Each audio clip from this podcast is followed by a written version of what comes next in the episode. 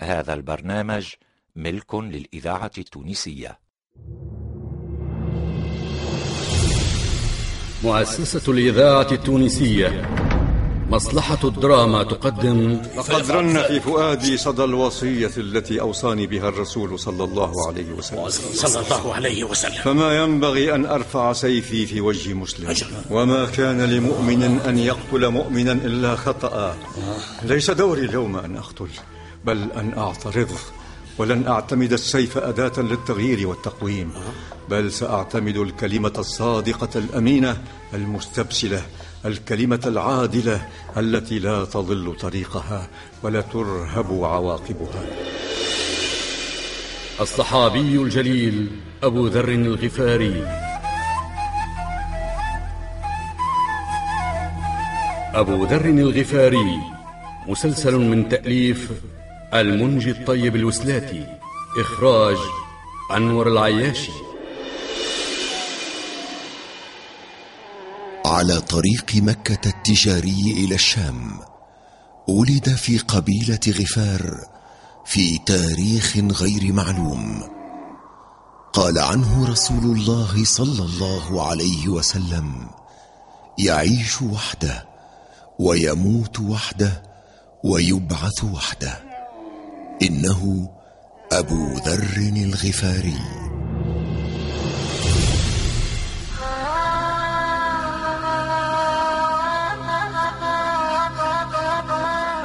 روت السيدة عائشة خبر وفاة أبيها أبي بكر فقالت أول ما بدأ مرض أبي بكر أنه اغتسل وكان يوما باردا فحمى خمسة عشر يوما لا يخرج إلى الصلاة. وكان يأمر عمر بالصلاة وكانوا يعودونه. وكان عثمان بن عفان رضي الله عنه ألزمهم له في مرضه.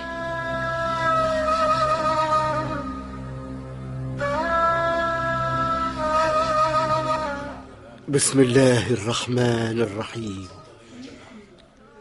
يا معشر المسلمين إنه قد نزل بي ما قد ترون. ولا أظنني لميتا لما بي. وقد أطلق الله أيمانكم من بيعتي وحل عنكم عقدتي.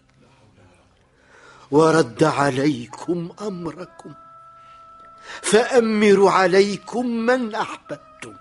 فإنكم إن أمرتم في حياة مني كان أجدر أن لا تختلفوا بعدي.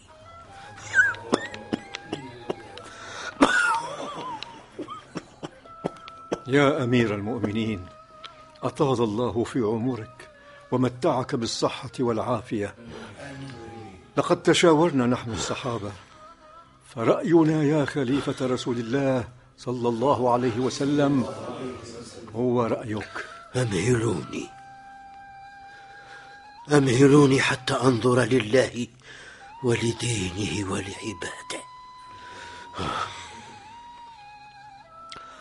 ما رأيكم في عمر بن الخطاب خليفة عليكم؟ نعم الاختيار.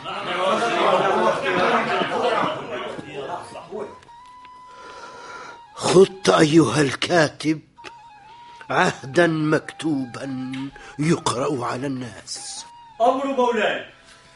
بسم الله الرحمن الرحيم.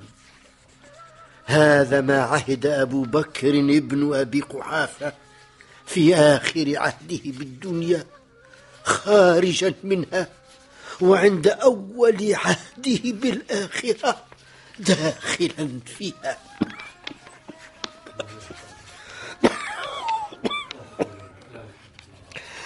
حيث يؤمن الكافر ويوقن الفاجر ويصدق الكاذب. إني استخلفت عليكم بعدي عمر بن الخطاب فاسمعوا له وأطيعوا. وإني لم آل الله ورسوله ودينه ونفسي وإياكم خيرا. فإن عدل فذلك ظني به وعلمي فيه. وإن بدل فلكل امرئ ما اكتسب والخير أردت لكم ولا أعلم الغيب وسيعلم الذين ظلموا أي منقلب ينقلبون.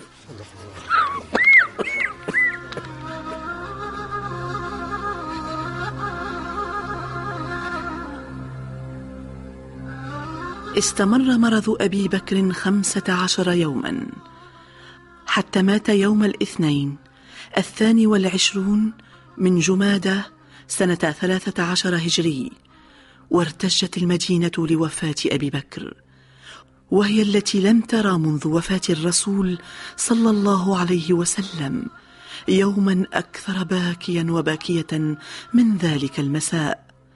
وأقبل علي بن أبي طالب مسرعا باكيا مسترجعا. ووقف على البيت الذي فيه أبو بكر وقال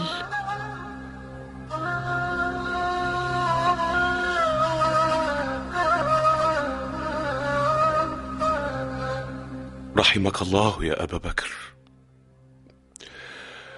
كنت ألف رسول الله صلى الله عليه وسلم. كنت إلفة وأنيسة ومستراحه وثقته وموضع سري ومشاورته والله لن يصاب المسلمون بعد رسول الله صلى الله عليه وسلم على ذاكرة الوطن. كنت للدين عزا وحرزا وكهفا فألحقك الله عز وجل بنبيك محمد صلى الله عليه وسلم. ولا حرمنا أجرك ولا أضلنا بعدك. بعد وفاة الرسول صلى الله عليه وسلم وخليفته أبي بكر رضي الله عنه آلت الخلافة إلى عمر بن الخطاب الذي سار على نفس منهج صاحبيه.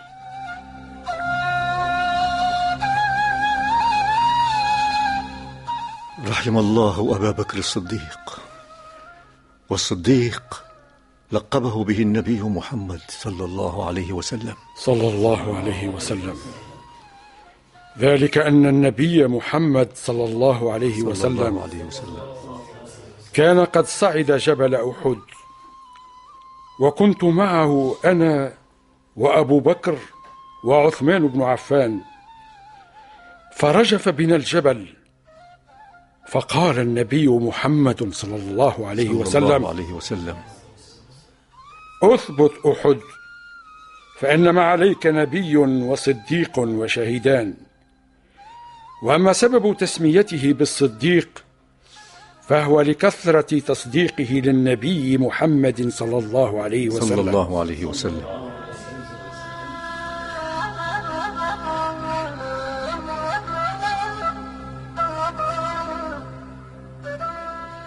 السلام على أمير المؤمنين عمر بن الخطاب. وعليكم السلام ورحمة الله. ماذا وراءك؟ جئتك مبشرا بإنجازات جيش الإسلام في مختلف الأصقاع. قل. لقد من الله علينا بفتح كامل العراق ومصر وليبيا والشام وفارس وخراسان وشرق الأناضول وجنوب أرمينيا وساجستان والقدس. وبهذا استوعبت الدولة الإسلامية كامل أراضي الإمبراطورية الفارسية الساسانية وحوالي ثلثي أراضي الإمبراطورية البيزنطية. لقد أبهجتنا بهذه الأخبار. امضي واسترح من عناء السفر. هنيئا للمسلمين بهذا الفتح العظيم. هذا دليل على حنكتك وحكمتك واعتمادك المشورة يا أمير المؤمنين.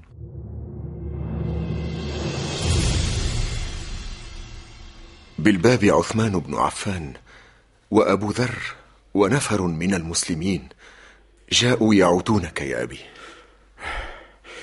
ليدخلوا. أمرك يا أبي. تفضلوا بالدخول. من هنا من هنا. تفضلوا. السلام على أمير المؤمنين.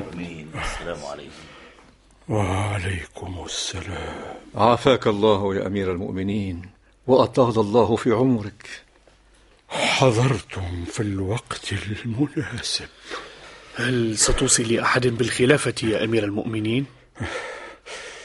كنت كنت أفكر في البداية في أبي عبيدة بن الجراح أو سالم مولى أبي حذيفة ولكنهما توفيا قبلي. ولو كان أبو عبيدة بن الجراح حيا لاستخلفته فإن فإن سألني ربي قلت سمعت نبيك يقول إنه أمين هذه الأمة. ولو كان سالم مولى أبي حذيفة حيا لاستخلفته. فإن سألني ربي. قلت سمعت نبيك يقول إن سالما شديد الحب لله. استخلف ابنك عبد الله يا أمير المؤمنين. قاتلك الله. والله ما أردت الله بذلك. ويحك. لا إرب لنا في أموركم. ما حمدتها لنفسي فأرغبها لواحد من من أهل بيتي. إن كان خيرا فقد أصبنا منه وإن كان شرا فحسب آل عمر أن يحاسب منهم رجل واحد. ويسأل عن أمر أمة محمد لقد أجهدت نفسي وحرمت أهلي وإن وإن نجوت لا عليها ولا لي فأني إذا لا سعيد وبماذا تنصحنا يا أمير المؤمنين؟ أوصي أوصي أن يكون الأمر شورى بعدي في ستة ممن توفي النبي محمد صلى الله عليه, صلى الله عليه وسلم. وهو عنهم راض وهم عثمان بن عفان علي بن أبي طالب طلحة ابن عبيد الله الزبير بن العوام عبد الرحمن بن عوف وسعد بن أبي وقاص. سمي لنا أحدهم يا أمير المؤمنين. أرفض تسمية أحدهم بنفسي. والله ما يمنعني أن أستخلفك يا سعد إلا شدتك وغلظتك مع أنك رجل حرب. الإذاعة التونسية وما يمنعني منك يا عبد الرحمن إلا أنك فرعون هذه الأمة. وما يمنعني منك يا زبير إلا أنك مؤمن الرضا كافر الغضب. وما يمنعني من طلحة إلا نخوته وكبره ولو وليها وضع خاتمه في إصبع امرأته.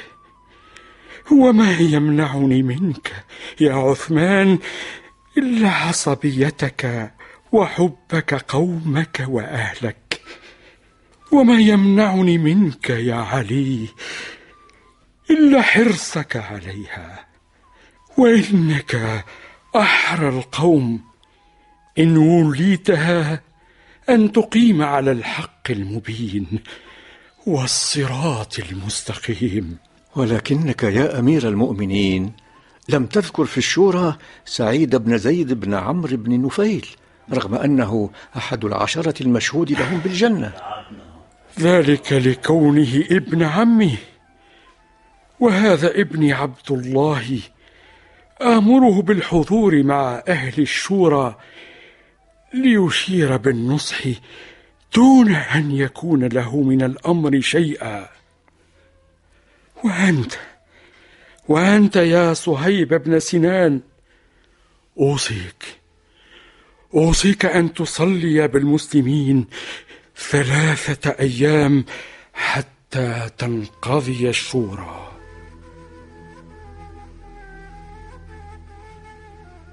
مات عمر بن الخطاب رضي الله عنه بعد ثلاثة أيام من طعنه ودفن بالحجرة النبوية إلى جانب أبي بكر الصديق رضي الله عنه والنبي محمد صلى الله عليه وسلم وكان عمره خمسا وستين سنة ودامت خلافته عشر سنين وستة أشهر وأربعة أيام. وقد استطاع في هذه الفترة القصيرة أن يرسي قواعد الدولة الإسلامية الأولى التي أنشأها النبي محمد صلى الله عليه وسلم. كنتم مع مسلسل أبو ذر الغفاري بطولة محمد المصمودي علي الخميري أنور العياشي سندس حمو محمد الهادي الصغير محمد الجريجي ومحمد الحبيب بالحارث